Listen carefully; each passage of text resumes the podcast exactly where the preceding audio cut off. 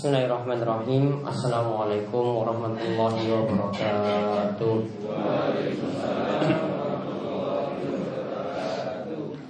Alhamdulillahirrahmanirrahim Hamdan kathiran tayyiban mubarakan fih Kama yuhibu rabbuna wa yardah Wa ashadu an la ilaha illallah Wahdahu la sharika lah Wa ashadu anna muhammadan abduhu wa rasuluh Allahumma salli ala nabiyina wa sayyidina muhammad Wa ala alihi wa man tabi'ahum bi sanila yaumiddin Allahumma anfa'na bima alamtana Wa alimna ma yanfa'una wa sidna ilma Allahumma aslih lana dinana alladhi huwa ismatu amrina wa aslih dunyaya allati fiha ma'ashuna wa aslih akhiratana allati fiha ma'aduna waj'al al-hayata ziyadatan lana fi kulli khair waj'al al-mauta Alhamdulillah para jamaah Bapak-bapak yang semoga selalu dirahmati dan diberkahi oleh Allah Subhanahu wa taala. Kita bersyukur kepada Allah Subhanahu wa taala atas nikmat yang telah Allah Subhanahu wa taala anugerahkan kepada kita sekalian sehingga pada kesempatan pagi yang bahagia ini selepas kita menunaikan sholat subuh Allah masih memberikan kita kesempatan untuk duduk dalam majelis yang mulia ini yang merupakan taman-taman surga di dunia Mudah-mudahan Allah Subhanahu wa taala menambahkan kita ilmu yang bermanfaat. Kemudian memudahkan kita juga dari ilmu tadi kita diberi taufik dan petunjuk untuk beramal soleh, memiliki akhlak yang mulia, memiliki amalan-amalan yang diterima dan mudah-mudahan Allah Subhanahu wa taala memberikan kita keistiqomahan untuk terus menambah ilmu dan terus beramal dengan baik. Kemudian salawat dan salam semoga tercurah kepada junjungan kita dan besar Nabi Agung Muhammad Sallallahu Alaihi Wasallam kepada para sahabat, kepada ummahatul mukminin, istri-istri beliau yang mulia dan juga kepada para tabiin, kepada para ulama madhab dan juga para ulama yang senantiasa membimbing kita, mengarahkan kita kepada jalan yang benar sehingga kita dapat mengenal Islam yang begitu mudah saat ini dan mudah-mudahan doa kebaikan kepada mereka semuanya. Baik uh, para jemaah sekalian, pada kesempatan kali ini kita akan kembali melanjutkan pembahasan dosa-dosa besar yang kita ambil dari kitab Al-Kabair karya Imam Az-Zahabi rahimahullah. Buku ini berisi tentang pembahasan dosa-dosa besar yang semestinya kita tahu ya dan semestinya nantinya setelah kita mengetahuinya kita menjauhinya. Karena Nabi SAW itu mengatakan wa ma nahaitukum anhu fastanibuhu wa ma amartukum bihi fa'tu minhu mastata'tum.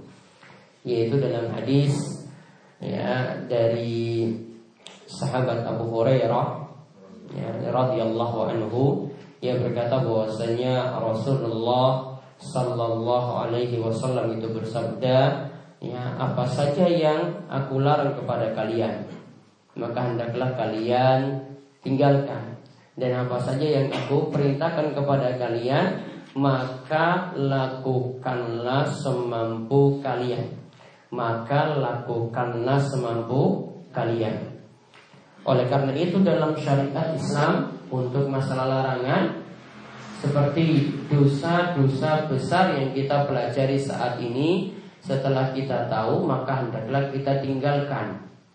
Sedangkan untuk masalah perintah kita diajak untuk ibadah, kita diajak untuk beramal soleh, kita diajak untuk memperbanyak sholat sunnah, kita diajak untuk melakukan puasa sunnah, maka ini dikaitkan dengan istita'ah yaitu kita melakukannya sesuai dengan kemampuan kita. Ya, sesuai dengan kemampuan kita.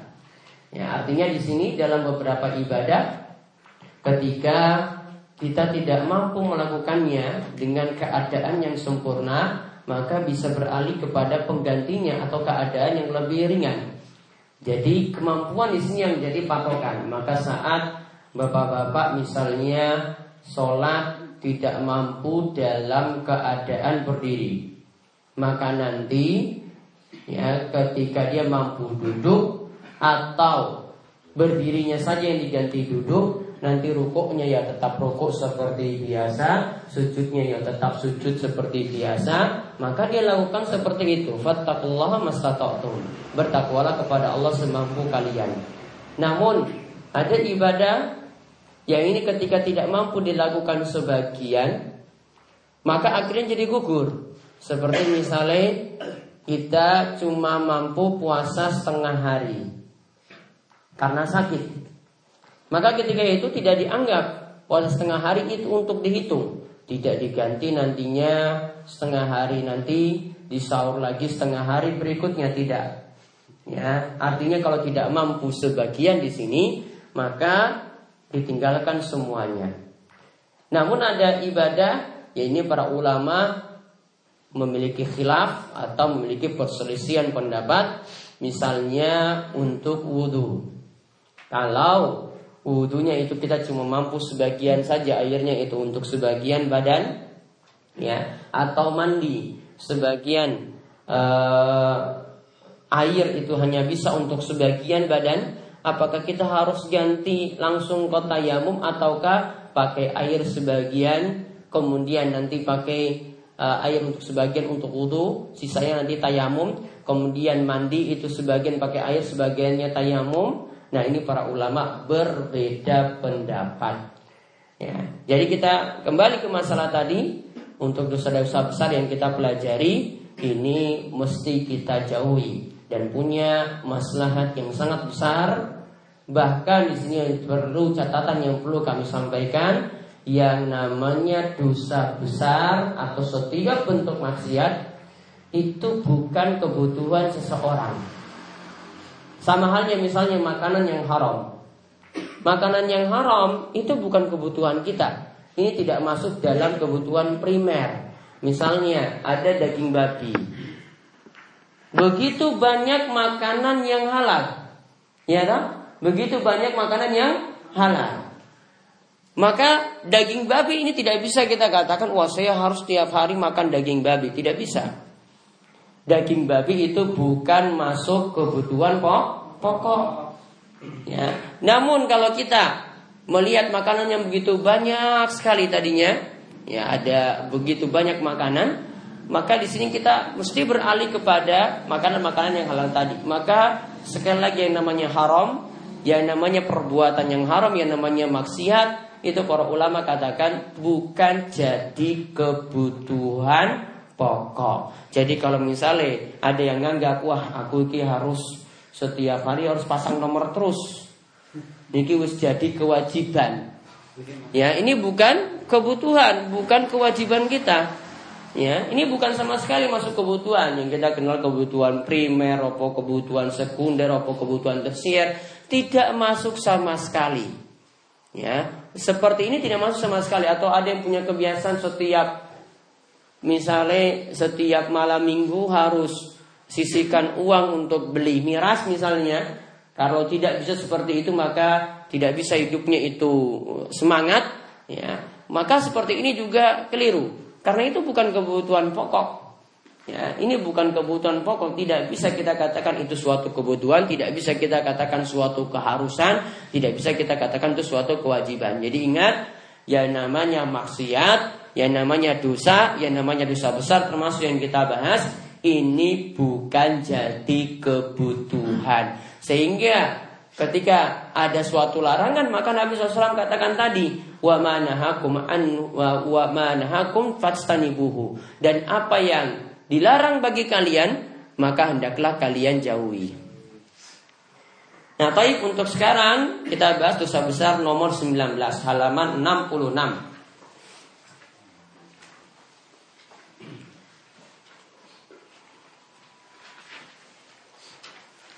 Ini bab ini rata-rata hadis-hadis dan dalil-dalil yang ada ditujukan bagi pegawai negara.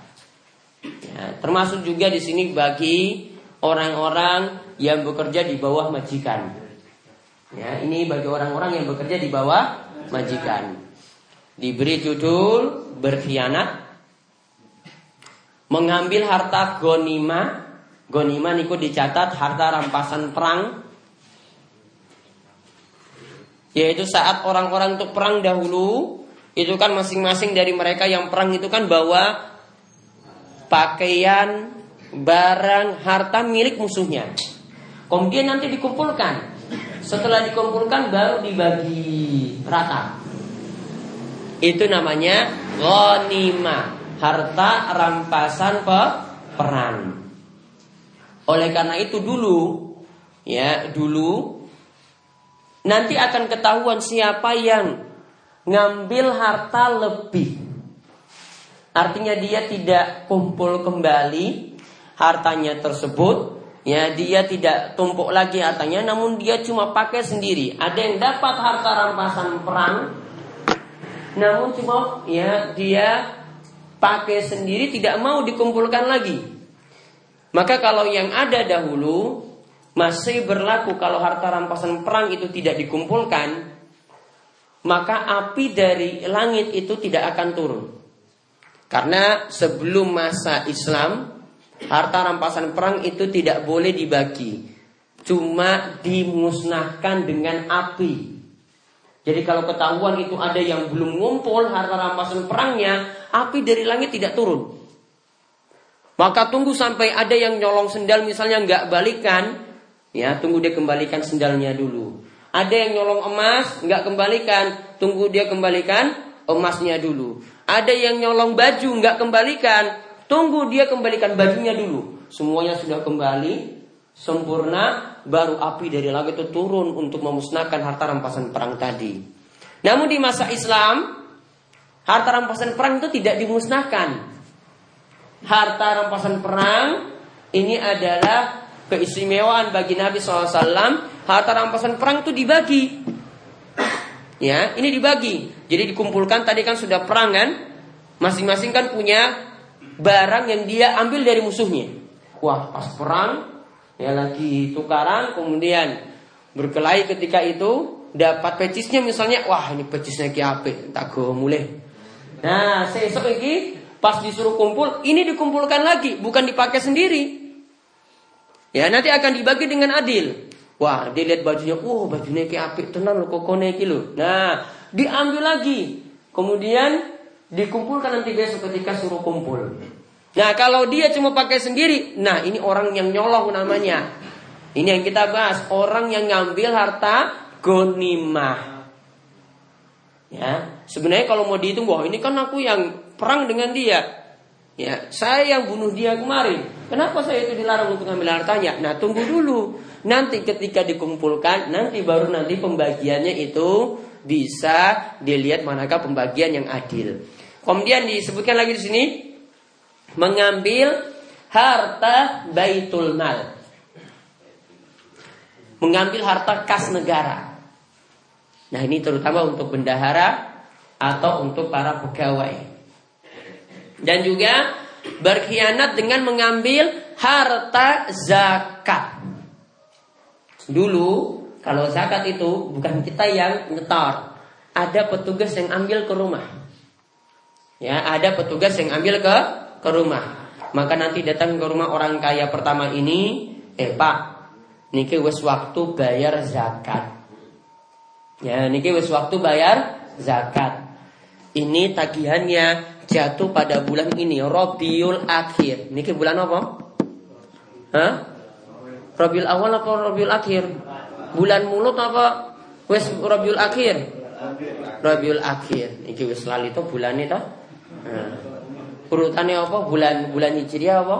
Saking bulan bulan Muharram, bulan Suro.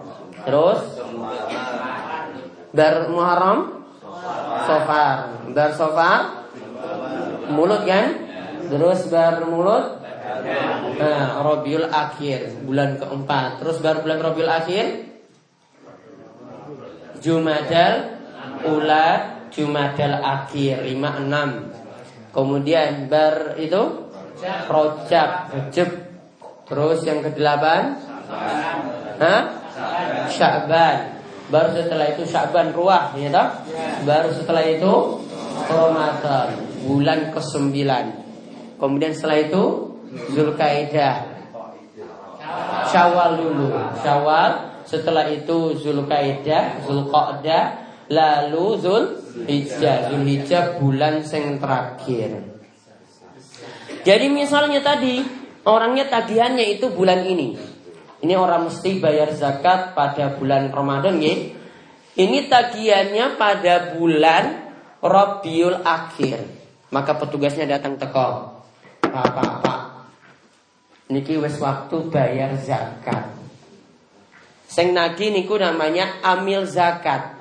Amil zakat itu punya tugas nagih, simpan, kemudian dibagikan.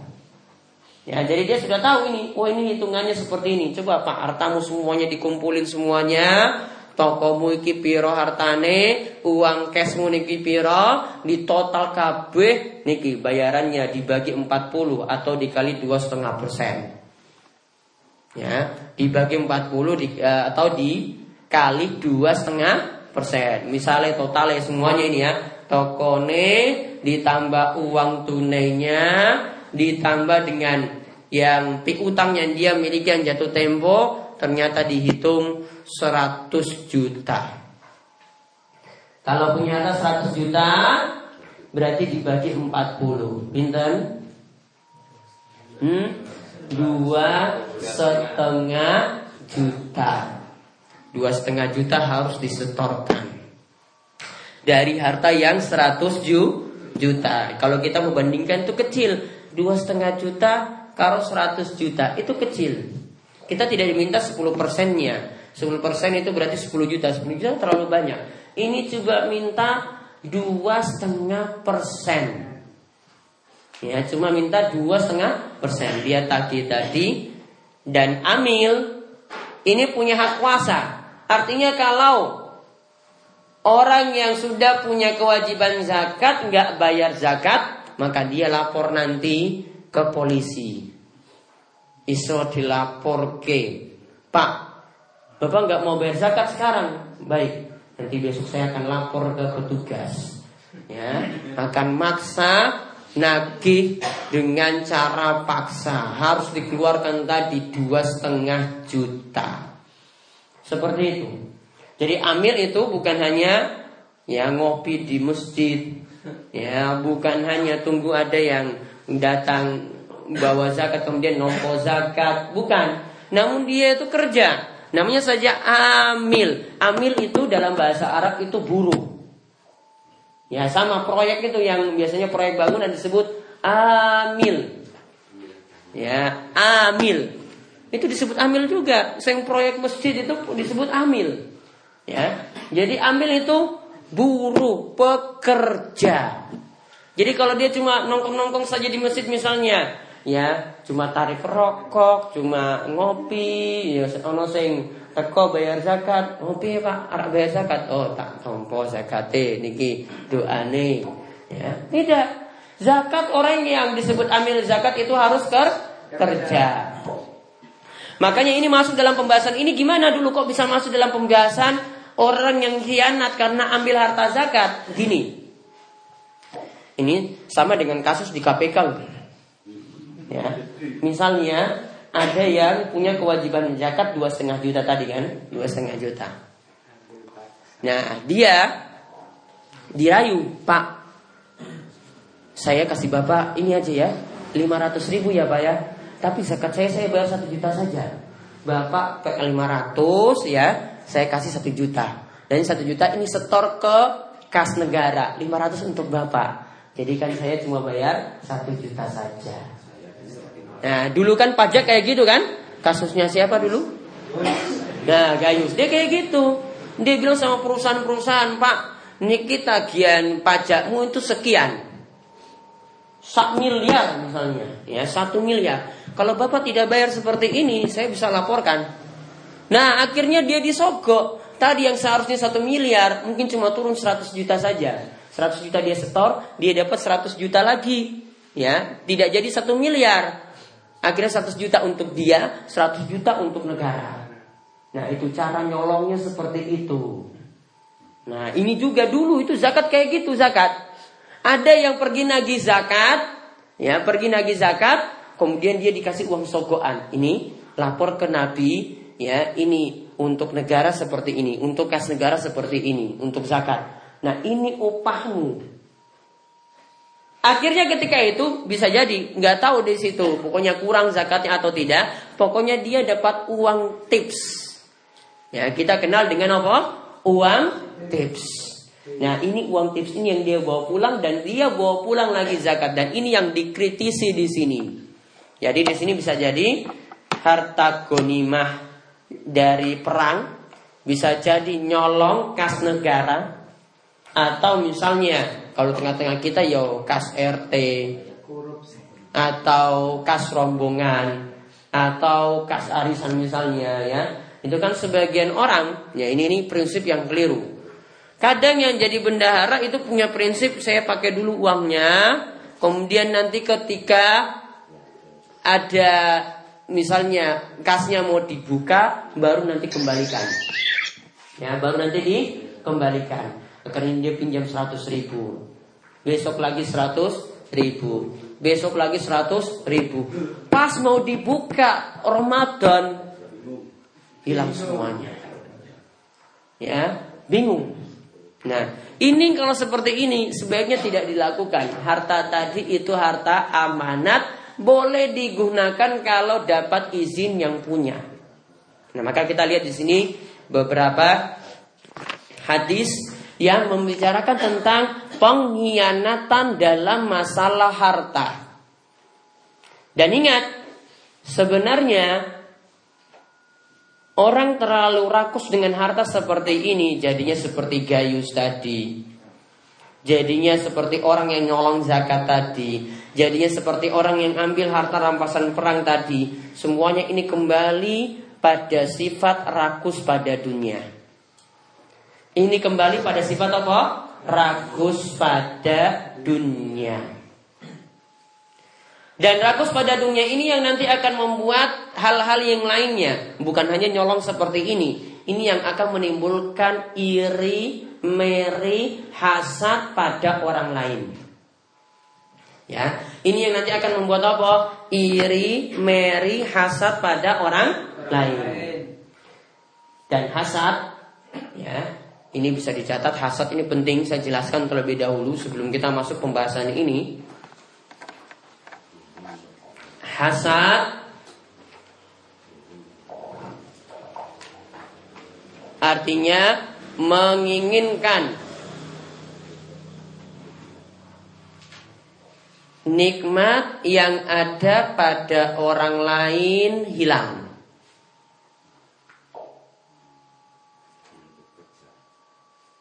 meskipun tidak pindah pada dirinya. Meskipun tidak pindah pada dirinya.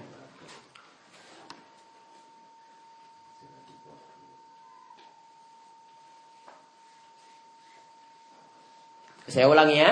Hasad itu adalah menginginkan nikmat orang lain hilang meskipun tidak pindah pada dirinya itu sudah dihukumi dosa. Dan hasad itu terjadi pada yang punya sifat yang sama atau profesi yang sama. Ingat ya, hasad itu biasa terjadi pada orang yang kedudukannya sama, sifatnya sama, atau profesinya sama. Buru bangunan hasadnya itu pada buru bangunan. Ya. Belantik sapi itu hasadnya pada belantik sapi. Iki kok gajine kok gede, aku kok cilik. Iki kok batine oke, aku kok batine sithik. Pegawai negeri hasadnya juga dengan pegawai negeri. Wah iki kok motornya apa kok aku motornya butut, motare etek-etek yang ngene. Dia nggak pernah beda profesi itu jarang. Jarang PNS itu hasadnya itu pada tukang bakso. Nggak mungkin. Ya jauh. Dia nganggap wah itu biasa-biasa saja. Paling sama teman kantornya, paling sama-sama pegawai. Sertifikasi ya, sertifikasi karo ora. Sing wis diangkat PNS karo sing ora. Itu biasanya hasadnya itu dengan sesama profesi. Guru dengan guru. Ya, seorang yang punya ilmu dengan orang yang punya ilmu juga. Dokter dengan dokter. Wah iki pasiennya oke kok aku pasiennya kok ini terus. Yang orang yang berilmu dengan orang yang berilmu, wah ini pengikutnya banyak sekali sengiki, wah gur uang siji loro telu papat dan seterusnya. Ya, itu paling irinya sama seperti itu. Jarang yang beda profesi. Ya, jarang yang beda profesi. Oleh karena itu, ini sarannya biar orang lain itu nggak meri kalau kita punya nikmat dan kita tahu orang ini biasanya gawe masalah terus, biasanya gawe gosip terus, jangan ceritakan apa-apa pada dirinya. Ya, nggak usah diomongkan. Wah, aku wis sertifikasi loh. Nggak usah diomongkan, sudah diam-diam saja. Wah, aku iki saya iki penghasilanku semene.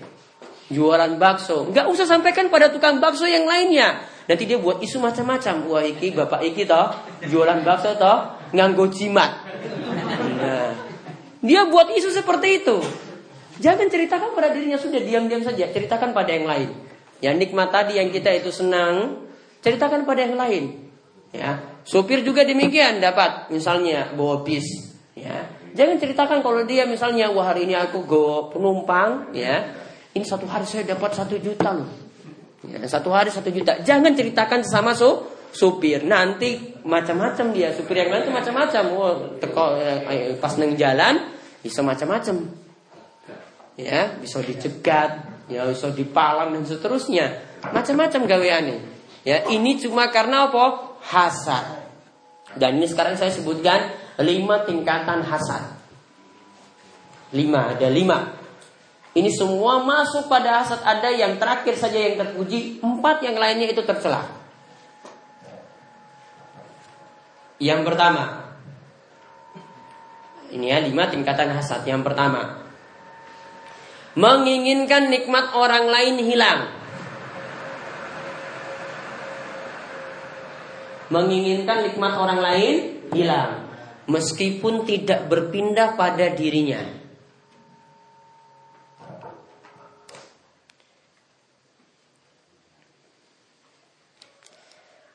Ya menginginkan nikmat orang lain hilang meskipun tidak berpindah pada dirinya.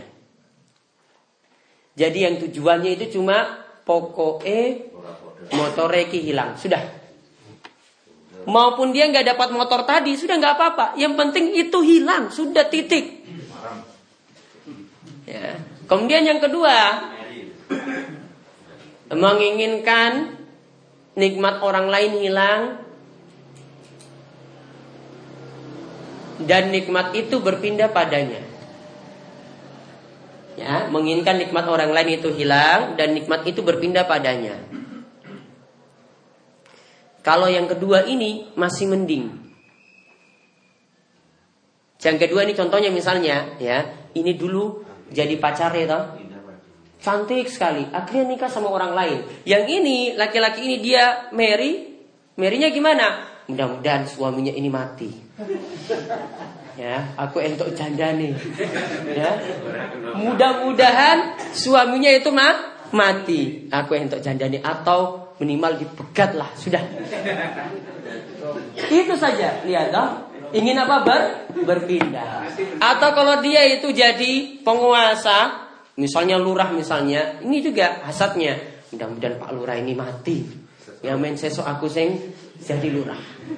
Gitu Ya, jadi hasadnya seperti itu, pingin berpindah. Ya, ini pingin berpindah. Ini masih mending daripada yang pertama. Kalau yang pertama, ya, dia gak ingin berpindah, pokoknya itu hilang, titik. Ya, bisa jadi dia pingin itu mati sudah. Meskipun tidak dapat jandanya tadi sudah yang penting bapak itu mati wes. Ini lebih parah karena nggak ketahuan. Kalau yang kedua ini masih ketahuan nanti. Oh ternyata dulu seperti itu ya kamu ya. Nah, ketahuan kan? Kemudian yang ketiga. Ya, tidak pingin nikmat orang lain hilang. Namun yang penting dia tetap miskin dan tetap bodoh. Yang penting dia apa? Tetap miskin dan tetap bodoh. Ya. Atau yang penting dia jadi jamaah terus nggak pernah jadi imam. Nah gitu. Yang penting ini nggak naik-naik. Ya, dia nggak masalah. Ah, kamu dapat motor apa, dapat apa? Pokoknya kamu miskin saya sudah titik. Kemudian yang keempat, yang keempat, pingin orang lain sama dengannya. Ingin orang lain sama dengannya. Jangan sampai lebih. Jika lebih, maka dia hasad. Jika lebih, maka dia hasad. Ya. Jadi kita sama-sama ya ekonominya sama seperti ini sudah senang. Kalau kamu naik sedikit, nambah motor sedikit, wah sudah mangkel ini, wah sudah kamu kok dapat motor seperti itu hasad. Yang penting apa? Dia yang penting kita sama saja lah, sama saja. Kalau kamu lebih daripada saya, ya ini baru dia pingin. Wah mudah-mudahan nikmat kamu itu hilang. Nah ketika dia ingin nikmat itu hilang, nah ini baru namanya hasad. Nah kalau yang kelima ini yang terpuji ingin sama dengan orang lain dalam kebaikan. Ya ingin sama dengan orang lain dalam kebaikan. Dan tidak ingin nikmat orang lain itu hilang.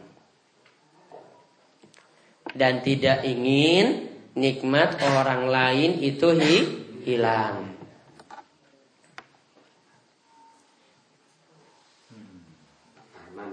Jadi lihat tadi ya, dia cuma ingin apa? Sama. Wah dia berilmu. Saya ingin belajar lagi iso Al-Quran biar sama dengan dia. Wah dia punya harta rajin sodako. Saya punya keinginan sama dengan dia biar juga bisa banyak sodako. Wah dia itu rajin ikut pengajian. Terus saya ingin sama dengan dia rajin juga biar juga bisa tambah pintar. Nggak pingin nikmat orang lain itu hilang. Pokoknya kita sama ya. Saya pingin semisal dia dan dia nikmatnya tetap ada terus. Saya pingin baik seperti dia dan dia nikmatnya tetap ada. Dan ini yang terpuji. Ini yang termasuk dalam fastabikul khairat. Berlomba-lombalah dalam keba kebaikan. Ya, ini bukan merendahkan orang lain, pingin sama. Orang lain rajin di masjid, rajin di masjid, maka dia ikut-ikutan terus. Wah saya harus ingin seperti tangga saya itu nggak pernah bolong sholat di masjid. Padahal wes sepuh, rumahnya jauh lagi. Ya saya pingin seperti itu. Ya tetangganya itu sering bangun subuh terus sholat subuh di masjid. Ya daripada saya telat-telat terus kayak gini, saya pingin dibangunkan sama dia lah. Ya kalau dia lewat depan rumah, tolong saya itu dipanggil. Biar bisa sholat jamaah subuh di di masjid. Pingin sah sama, nggak pingin nikmat orang lain itu hilang. Ini yang terpuji. Kalau yang pertama paling parah. Ya, pingin tadi kan sudah dapat istri cantik kan orang lain, dia pingin suaminya itu mati. Pingin saja, nggak dapat jandanya nggak masalah. Ya, yang kedua tadi pingin nikmatnya itu berpindah. Ingin nikmatnya hilang, kemudian nikmat tadi itu berpindah. Yang ketiga, itu pingin orang lain tetap miskin, tetap bodoh, tetap rendah seperti itu, maka dia mudah untuk merendahkan orang lain. Kemudian yang keempat, dia pingin uh, orang lain itu sama dengannya, jangan sampai lebih. Kalau lebih, akhirnya hasad. Kemudian yang kelima, pingin sah sama dalam kebaikan dan ini yang mesti kita contoh ya dan ketika itu tidak pingin nikmat orang lain itu hilang. Nah, ini yang kita mesti contoh ketika kita misalnya ya punya tetangga, teman yang mereka itu semangat dalam kebaikan. Maka kita ingin semisal dengan itu supaya sama semisal dengan mereka dan jangan punya cita-cita atau keinginan nikmat tersebut hilang. Nah, kita beralih sekarang. Tadi masalah hasad inilah yang menimbulkan tadi ada kesenjangan. Dia melihat orang lain itu selalu lebih daripada dirinya. Sehingga kalau ada orang lain yang lebih daripada dirinya, dia hasad. Akhirnya supaya bisa semisal itu, kalau dia punya harta yang dia diamanatkan, akhirnya dia ambil. Akhirnya dia berbuat khianat, tidak amat dalam harta. Supaya apa tujuannya? Hasadnya tadi terobati bisa sama dengan orang lain, orang lain. Biasanya seperti itu. Maka kita sekarang di sini penting mengetahui manakah bentuk-bentuk yang disebut khianat. Ya, bentuk-bentuk yang disebut khianat kita lihat nanti tiga dalil saja, yaitu dari ayat Al-Quran yang pertama, kemudian ada dua hadis. Yaitu dari ayat surat Ali Imran ayat 161. Allah berfirman, "Wa ma kana linabiyyin ay yaghulla wa man yaghlul ya'ti bima ghalla yaumal qiyamah." Tidak mungkin seorang nabi berkhianat dalam urusan harta rampasan perang. Gak mungkin Nabi SAW sekali itu nyolong harta gonima harta rampasan perang. Tidak mungkin sama sekali Nabi berbuat demikian. Lalu, wa mayyaglul barang siapa yang berkhianat dalam urusan rampasan perang, maka nanti dia akan datang pada hari kiamat dengan membawa harta yang dia berkhianat. Jadi misalnya dia nyolong sapi, sapi, ya khianat terhadap sapi, sapi ini akan dibawa pada hari kiamat. Dia nyolong emas, emas ini akan dibawa pada hari kiamat dalam keadaan hina. Dia nyolong kambing, ya, kambing ini akan datang pada hari kiamat dalam keadaan hina. Nanti akan kita lihat ya ceritanya dalam hadis. Bagaimana bentuk datangnya binatang-binatang tadi. Nah sekarang kita lihat ini menunjukkan tadi bahwasanya Nabi SAW tidak melakukan gulul. Kalau dalam pengertian gulul ini adalah mengambil harta rampasan perang. Dulunya seperti itu. Artinya orang ini bersifat khianat, orang amanat. Ya sekali lagi orang ini bersifat khianat, orang amanat. Itu disebut berbuat gulul. Ya, ini disebut berbuat gu, gulul. Bagaimana bentuknya? Kita lihat di sini yang jelasin dalam hadis. Dari hadis Abu Humaid As-Sa'idi. Ini yang tadi saya ceritakan tentang masalah zakat. Dulu kan saya ceritakan zakat itu kan diambil oleh amil zakat tadi. Datang ke rumah. Nah kadang kan dia dapat uang tips. Kadang kan dapat uang sebagai hadiah. Niki, tips untuk kamu. Padahal dia pegawai loh, sudah dapat gaji.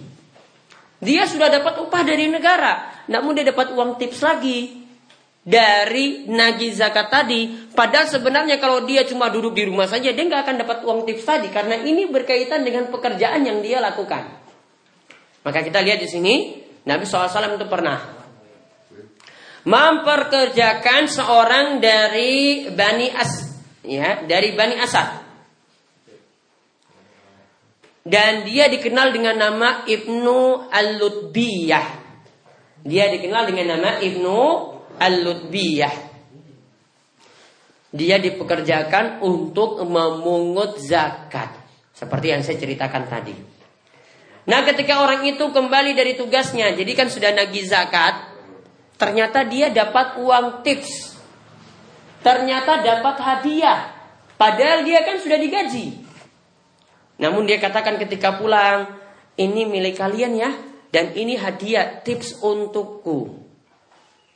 Ini milik kalian, ini harta zakat sesuai dari kewajiban yang orang itu itu punya dan ini uang tips untuk saya. Maka ketika itu Nabi SAW itu berdiri di atas mimbar. Dan ketika ada masalah seperti ini Nabi SAW biasa seperti itu. Ada masalah, ingin nasihatnya ini didengar oleh orang banyak. Nabi SAW itu akhirnya berdiri di atas mimbar, kemudian memberi nasihat kepada orang banyak. Orang ini tidak ditujukan nasihat itu khusus kepada dirinya. Namun nasihat ini untuk orang banyak. Biar semuanya tahu perbuatan ini salah. Biar semua tahu perbuatan ini dosa. Biar semua tahu perbuatan ini keliru. Maka ketika itu Nabi SAW mengatakan amma ba'du. Saya ini Kata Nabi, telah mempekerjakan seseorang di antara kalian. Lalu ketika dia pulang, setelah nagih zakat, dia mengatakan ini milik kalian zakat, sedangkan ini milikku. Maka ketika itu Nabi SAW itu mengatakan, Afala jalasa fi baiti abihi wa ummi hatta ta'tiyahu hadiyatuhu in kana Coba kalau dia mau, coba kalau dia cuma diam di rumahnya saja, tidak kerja seperti itu, apa mungkin dia dapat uang tips? Apa mungkin dia dapat hadiah? Kalau dia jujur, coba dia jawab. Wallahi la ya'khudhu ahadun minkum syai'an bi ghairi haqqin illa lakiyallahu yahmiluhu yaumal qiyamah. Nah, kemudian Nabi SAW katakan demi Allah. Tidaklah seorang itu mengambil sesuatu seperti itu. Dia mengambil dengan cara yang tidak benar. Dia mendapatkan uang tips tadi yang tidak benar. Dengan cara yang tidak benar. Melainkan nanti pada hari kiamat dia akan memikul harta yang dia dapatkan tadi.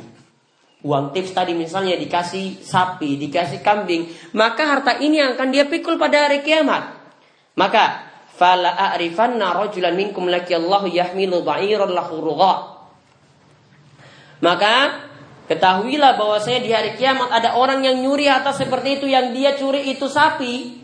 Maaf, yang dia itu curi itu kambing uh, unta, maka unta itu datang pada hari kiamat dia pikul dan unta tersebut punya suara, keluar suara unta. Ya, unta tersebut punya suara, keluar suara unta. Au baqaratan laha khuwar. Atau kalau dia dia nyolong itu adalah yang atau dia diberikan uang tips itu adalah sapi. Maka sapi ini yang nanti akan bersuara pada hari kiamat. Sapi punya suara seperti apa? Sapi? Nah, itu nanti akan bersuara seperti itu pada hari kiamat. Dia akan mikul, akan bersuara seperti itu. Kemudian, ya ausyatan ta'iyat atau kambing yang juga nanti akan bersuara seperti itu. Kambing suaranya seperti apa? Mbe, ya kan? Nanti dia akan mikul tadi, mbe, mbe, itu di belakang dia dia mikul. Summa rafa ayadaihi faqal Allahumma hal balagtu. Kemudian ketika itu beliau mengangkat kedua tangan seraya mengatakan, "Ya Allah, apakah aku telah menyampaikan yang benar seperti ini?" Maka di sini menunjukkan orang yang mengambil uang tips seperti tadi ini dicela oleh Nabi Shallallahu Alaihi Wasallam. Siksaannya berat pada hari kiamat. Harta yang dia bawa, yang dia katakan tadi sebagai uang tips. Ini terutama untuk para pegawai, ya pegawai apa pun. Ya, kalau dia sudah ada gaji tetap, kemudian diberikan uang tips dari pekerjaannya tadi, maka nasibnya akan sama seperti ini. Kemudian satu lagi, yaitu hadis dari Abu Hurairah. Ini cerita lagi Orang yang nyolong harta lagi. Ini nyolong. Yaitu di sini ceritakan oleh Abu Hurairah, kami itu pernah keluar berangkat bersama baginda Nabi SAW menuju Khaybar. Khaybar ini nama tempat. Dan di Khaybar ini pernah terjadi perang. Disebut dengan perang Khaybar. Lalu kami diberikan kemenangan, akan tetapi kami tidak mendapatkan gonima berupa emas dan perak. Jadi nggak ada emas dan perak sebagai gonima. Kami hanya mendapatkan gonima berupa perbekalan, berupa makanan, dan berupa pakaian. Yang tadi saya ceritakan dapat pakaian, dia bawa pulang itu sebagai gonima dan nanti dikumpulkan. Kemudian kami singgah di sebuah lembah dan bersama Nabi SAW terdapat seorang budak, seorang saya, budak milik beliau yang dihadiahkan dari Bani Juzam. Jadi Nabi SAW dapat hadiah seorang bu, budak. Ketika kami singgah di lembah itu, maka budak tadi berdiri, bangun, kemudian akhirnya dia naik hewan tunggangan, ingin kabur. Namun ternyata tiba-tiba budak tadi dipanah lalu mati. Kena panah lalu ma mati. Kemudian dikira ini panah ini dari musuh. Maka orang-orang itu mengira, wah sungguh bahagia dia budak ini berarti mati syahid. Ya, budak ini berarti mati mati syahid, mati dalam keadaan yang benar karena dia kena panah dari musuh. Maka ketika itu Nabi SAW mengatakan sama sekali tidak kalah. Walladhi nafsu Muhammadin biyadi inna syamlata la taltahibu alaihi naran. Sama sekali tidak. Demi zat yang jiwaku ada di tangannya, sesungguhnya kain yang diambilnya dari harta ghanimah sebelum digabungkan ke dalam bagian harta yang akan dibagikan akan menjadi api penyambarnya pada hari kiamat. Jadi dia ketahuan nyolong kain. Ketahuan nyolong apa? Kain. Kain yang dia colong ini ketahuan, maka saat dia itu mati, Nabi SAW mengatakan, ya kalau orang-orang katakan dia mati syahid, dia tidak mati syahid. Dia itu ketahuan nyolong kain. Maka kain inilah yang nanti akan menyiksa dia pada hari kiamat. Kain ini yang sebenarnya jadi harta ghanimah, inilah yang nanti akan menyambar dia pada hari kiamat. Jadi siksa baginya pada hari kiamat. Maka perawi ini berkata, maka orang-orang saat itu menjadi ngeri. Lalu yang ketahuan nyolong satu atau dua tali sandal, itu akhirnya semuanya kembalikan. Ya, semua akhirnya apa? Kembalikan harta tadi. Saya ambil pada waktu penaklukan Khaybar yang mereka itu ngambil ketika itu pada saat perang Khaybar. Maka Rasulullah bersabda satu atau dua tali sendal walaupun ringan seperti itu akan menjadi azab pada hari kiamat yaitu akan menjadi azab di neraka akan menjadi siksa di neraka walaupun cuma nyolong apa satu tali sendal harganya nggak ada apa-apa. Ya nyolong seperti itu saja. Sebagai siksa pada hari kiamat. Ya maka ini bahaya. Orang yang bukan harta sebenarnya jadi miliknya dia ambil. Maka sebagaimana ceritakan tadi dalam ayat Orang yang mengambil harta seperti itu harta khianat Maka harta ini yang nanti digunakan sebagai siksa bagi dirinya pada hari kiamat Nyolong sapi, sapinya akan dia pikul Nyolong kambing, kambingnya akan dia pikul. Kemudian akan keluarkan suara. Nyolong kain, kain ini akan menyambar dia pada hari kiamat. Maka ini menunjukkan bahaya sifat kianat ketika kita tidak amanat dalam menjaga harta orang lain. Nanti ada beberapa hadis lagi ya yang menceritakan tentang peristiwa-peristiwa semacam ini. Ada yang nyolong cuma dua dirham saja, yang nilai barangnya itu cuma dua dirham. Dua dirham itu cuma 30 ribu. Ya, dua dirham itu cuma 30 ribu sekitar itu. Ini pun jadi masalah. Ya, ini pun jadi masalah. Jadi insya Allah nanti akan kita bahas. Mungkin-mungkin Allah Subhanahu Wa Taala memberikan kita keistiqomahan dan bisa lagi berjumpa pada pertemuan berikutnya. Amin. Ini kemauan. Monggo jika ada yang ingin bertanya kami persilahkan. Pak Isan.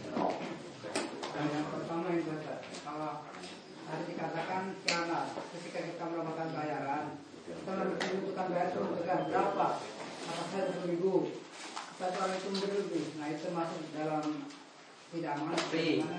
Terus yang kedua. Jadi yang yang tadi kita menentukan harga. Penentukan harga. Nah, harganya dua ribu bukannya, tapi yang lebih lebih, fixnya itu lebih, lebih dari dua ribu. Ah. Kalau jenengan sebagai pebisnis nggak masalah uang tips tadi, karena jenengan nggak dapat gaji dari siapa-siapa. Iya kan?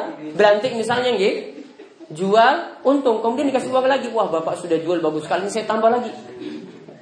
Ini gak masalah. Namun kalau jadi pegawai itu nanti disebut khianat. Karena dia sebenarnya ini pekerjaan dia.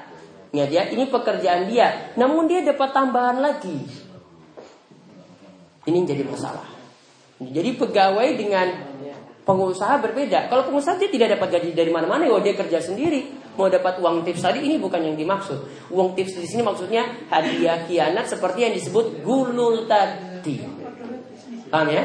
Nah, terus? Ketika dia mengambil sayuran, punya sayurannya, tapi kata-kata itu nyolong. Saya menyolong sayuran ini, padahal itu cuma bahasa-bahasa saja. Nah, dalam pengertian di sini nanti barang itu halal atau tidak, Pak? Ya kalau itu cuma istilah saja. Ya, barang itu jadi halal ketika antaratin sudah disetujui. Sudah suka sama suka. Ya. Kalau dia bilang istilahnya nyolong, namun hakikatnya kan tidak sebenarnya kan karena ngomong setelah itu kan? Ngomong setelah itu. Kalau setelah ngomong itu diridhoi, maka tidak ada masalah. Ini kalau dalam masalah jual beli, ini disebut dengan jual beli fuduli. Ya, ini disebut dengan jual beli fuduli. Fuduli itu ya, misalnya ada yang pakai motor orang. Ya, pakai motor nih, pakai motor, kemudian tiba-tiba dibawa ke dealer terus dijual. Bawa pulang terus dia bilang, "Mas, saya sudah jual motor, Bu." Nah, terus dia bilang, eh, saya juga kemarin mau jual motor itu sebenarnya, tapi kok kamu bisa laku lari seperti ini? Nah, sudah nggak apa-apa. Ini saya kasih kamu uang seperti ini, ini untuk saya. Alhamdulillah. Nah, kalau seperti itu, itu tidak ada masalah, karena nanti akhirnya pun disetujui. Namun kalau dia jualkan tadi, ya dia jualkan tadi, nggak setuju. Kamu ini saya punya motor, kamu jual seenaknya saja. Sini kembalikan, ya. Kalau dia nuntut seperti itu, berarti jual belinya jadi tidak halal. Maka seperti tadi intinya kembali pada antarodin, yaitu suka sama suka sudah disetujui, sudah diridhoi, tidak ada masalah. Lagi? Assalamualaikum warahmatullahi wabarakatuh. Waalaikumsalam warahmatullahi wabarakatuh. Dua tema ini tentang perkebunan. Jadi, Perdukunan, ya. yang pertama misalkan ada seseorang yang jepit itu mudah jepit dalam kesulitan Kejepit apa? ya apa pun apa Kejepit mobil apa? selain konflik ataupun masalah perkara apa kemudian dia pergi ke dukun ke dukun ternyata dia berhasil juga nah ini yang yang saya tanya Dia pergi ke dukun, Eh, berhasil. pertolongan tapi ternyata itu tidak di jalan Allah tapi ternyata dia berhasil oh berhasil ini bisa selamat dan sebagainya. Hmm. ini ini yang saya tanyakan mengapa demikian kok bisa selamat? Itu bukan pertolongan dari Allah dia betul-betul berdua itu yang pertama. Kemudian yang kedua tentang hasad wattaqul khair ya misalkan saya melakukan sesuatu kebaikan kemudian kebaikan itu ada seseorang dianggap nanti nandingi dan sebagainya mungkin membuat nama oh ini jangan sampai pergi ke ustadz ini ustadz ini adalah ini ini, ini. padahal dia itu adalah hal itu mencemarkan nama baik itu hal yang seperti itu dosa atau tidak demikian hanya dua hal yang maka makasih waalaikumsalam warahmatullahi wabarakatuh Jadi yang kedua tadi dia hasad, Asal misalkan gini tidak tadi dia suruh orang lain "Oh, jangan pergi ke Pak Kiai ini, Pak Kiai ini gitu. misalkan Ya. jamaah kita rusak gara-gara ini dan sebagainya Ya itu hasad. Ya. Itu termasuk hasad, menghapus amalan kebaikan. Ya, dan kalau itu ditambah fitnah lagi, amalan kebaikannya itu disalurkan kepada orang lain yang dia itu fitnah. Termasuk. Terus yang pertama tadi dukun. Ada orang yang datang ke dukun, ya, misalnya lagi kepepet, lagi susah, oh akhirnya berhasil. Dukun beri amalan seperti ini, ngage jimat ini, ngage bacaan ini, masang ya jimat ini di pintu, di lawangi, masang ini seperti ini di rumahnya dan seterusnya. Ketika itu dituruti akhirnya ternyata wah berhasil. Maka perlu diketahui kalau dari perbuatan syirik, kalau dari perbuatan maksiat, kok ada yang berhasil? Misalnya juga ada yang melakukan pesugihan. Ya pesugihan itu ada di daerah Sragen sana Gunung Kemukus. Ini pesugihannya ini dengan selingkuh dulu. Paham? Dengan selingkuh dulu. Ini enggak bukan ini macam ini enggak ini sudah enggak logis lagi. Jadi datang ke sana, ya, kan wonten pelacur-pelacur, wanita-wanita nakal, dia selingkuh dulu, baru nanti pesugihannya berhasil. Ternyata kok berhasil. Coba pulang-pulang langsung jadi sugih. Kemarin cuma main ke situ saja coba lihat. Maka ini ya ingat kalau ini perbuatan syirik, perbuatan maksiat dari itu kemudian menghasilkan ya, menghasilkan harta, maka ketahuilah itu bukanlah nikmat namun itu musibah. Ini disebut dengan istidraj. Disebut dengan apa? Istidroj. Istidroj itu Allah beri nikmat pada orang yang bermaksiat. Istidroj itu Allah beri nikmat pada orang yang bermaksiat. Dia tadi memenuhi pesugihan berhasil. Datang ke dukun juga berhasil. Allah beri ini supaya dia tenggelam terus dalam kesyirikan, supaya dia tenggelam terus dalam kemaksiatan. Karena siapa pun mau kepepet bagaimanapun, orang kafir pun itu bisa Allah kabulkan. Orang yang berbuat syirik pun itu juga bisa Allah kabulkan. Namun jarang-jarang sekali.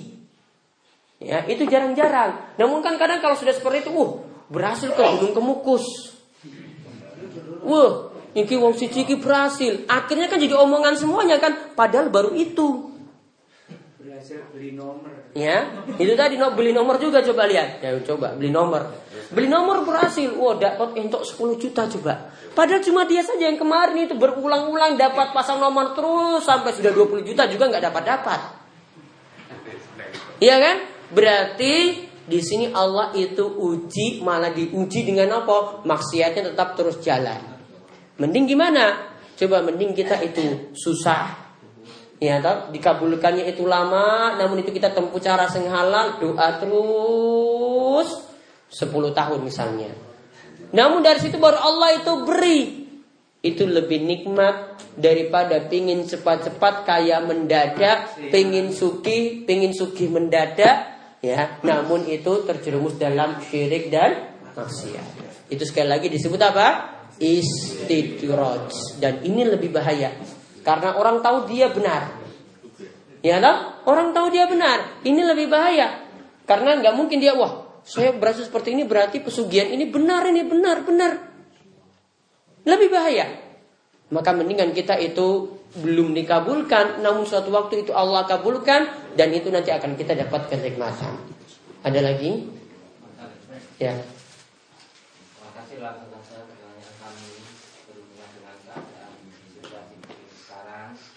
Ini mengenai hal konimah mungkin dan nanti juga yang kedua dua pertanyaan yang lain yang ditanyakan mengenai uh, pada pertama apakah pakaian-pakaian yang ada di sini ini termasuk konimah karena demikian banyak teman-teman kita setelah pakaian-pakaian itu katakan dipilih olehnya ditugaskan untuk milih kemudian ada banyak pakaian yang tidak dikatakan dimasukkan pada suatu wadah untuk dikasihkan mungkin pada saat nanti dikasihkan oleh orang yang menerimanya.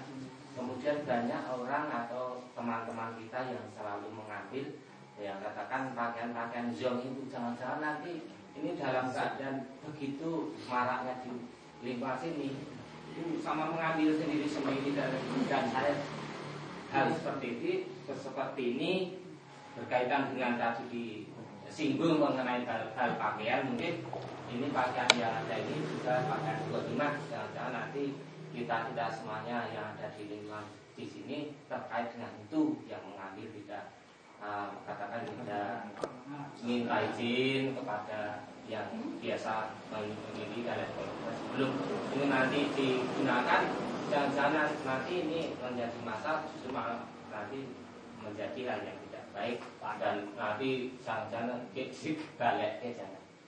Kemudian yang kedua mengenai hal uh, pengguna harta mengenai hal uh, apa uang kan. Pertamanya itu dia menggunakan uang sedikit demi sedikit uh, terlalu lama menjadi besar menjadi tanggungan yaitu pinjaman. Nah, pinjaman itu setelah seperti yang diterangkan oleh Ustaz tadi setelah akan dipakai ternyata uh, baju tidak ada. Kemudian dia itu ya katakan mencari ya pertolongan supaya ditolong.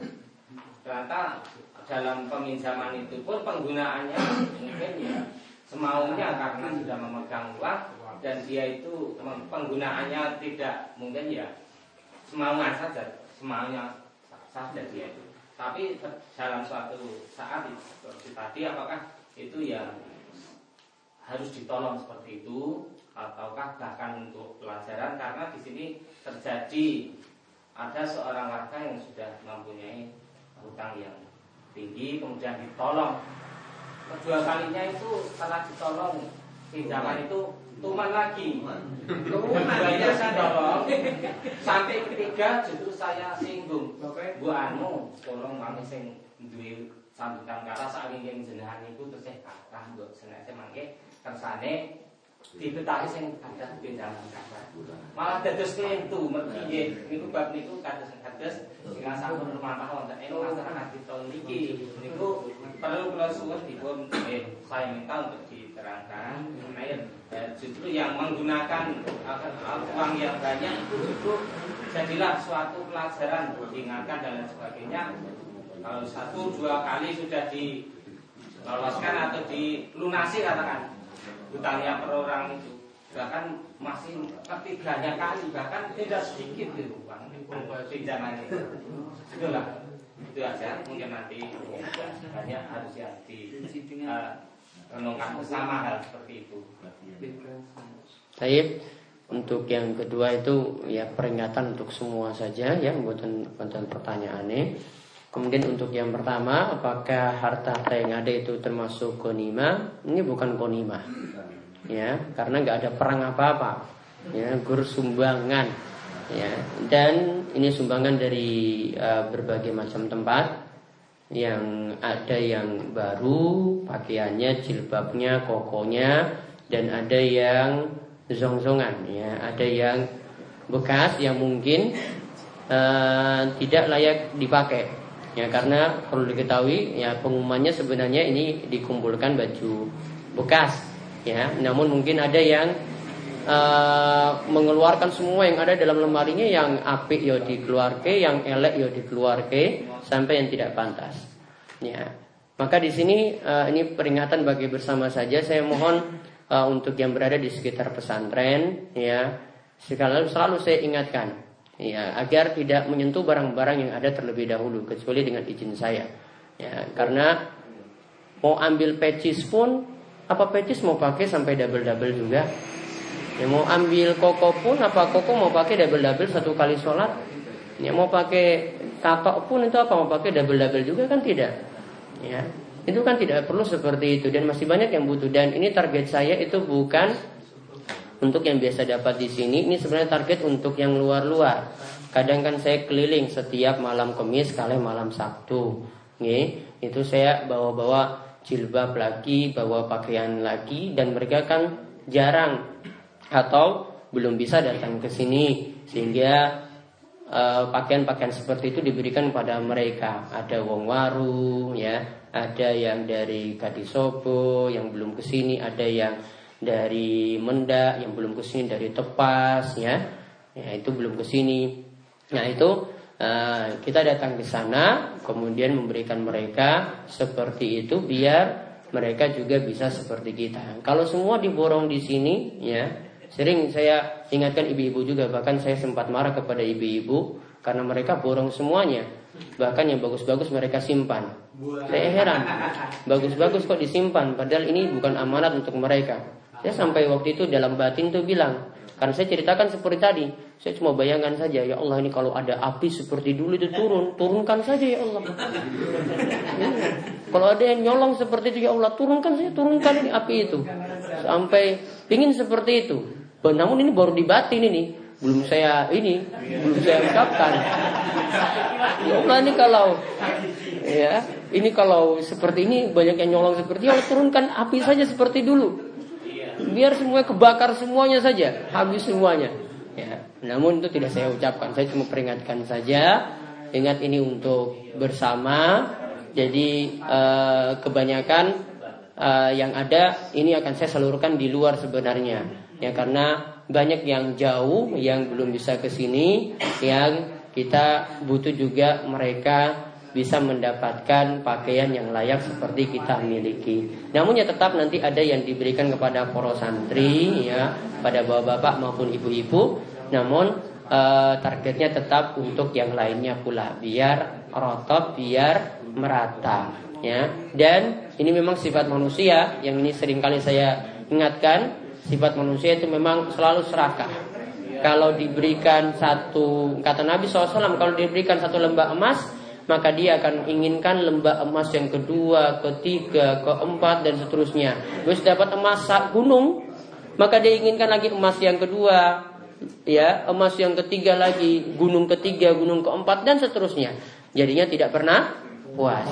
Ya, namun uh, tadi karena saya katakan pikiran luar, yang kemarin saya kunjungi tempatnya belum uh, jilbabnya belum lengkap, monggo nanti silahkan dilaporkan. Nanti insya Allah akan diberi yang jilbabnya belum lengkap mungkin dari jambu ataupun dari benjaran pertelan sepertinya mungkin kurang lengkap ya.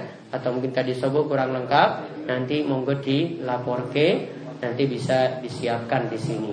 Nggih ini kemauan untuk pertemuan kita pagi hari ini mungkin-mungkin bermanfaat. Mungkin-mungkin Allah mau memberikan kita kebaikan memberikan kita keberkahan dalam umur yang memberikan kita kesehatan dan juga diangkat dari berbagai macam kesulitan dan mungkin-mungkin kita terus diberi keistiqomahan. Kemauan kita tutup kalian doa kafaratul majlis. Semoga subhanallah bihamdika asyhadu an la ilaha illa anta astaghfiruka wa Assalamualaikum warahmatullahi wabarakatuh. Monggo bisa ini sarapan terlebih dahulu. Kuwi sesuk banyak.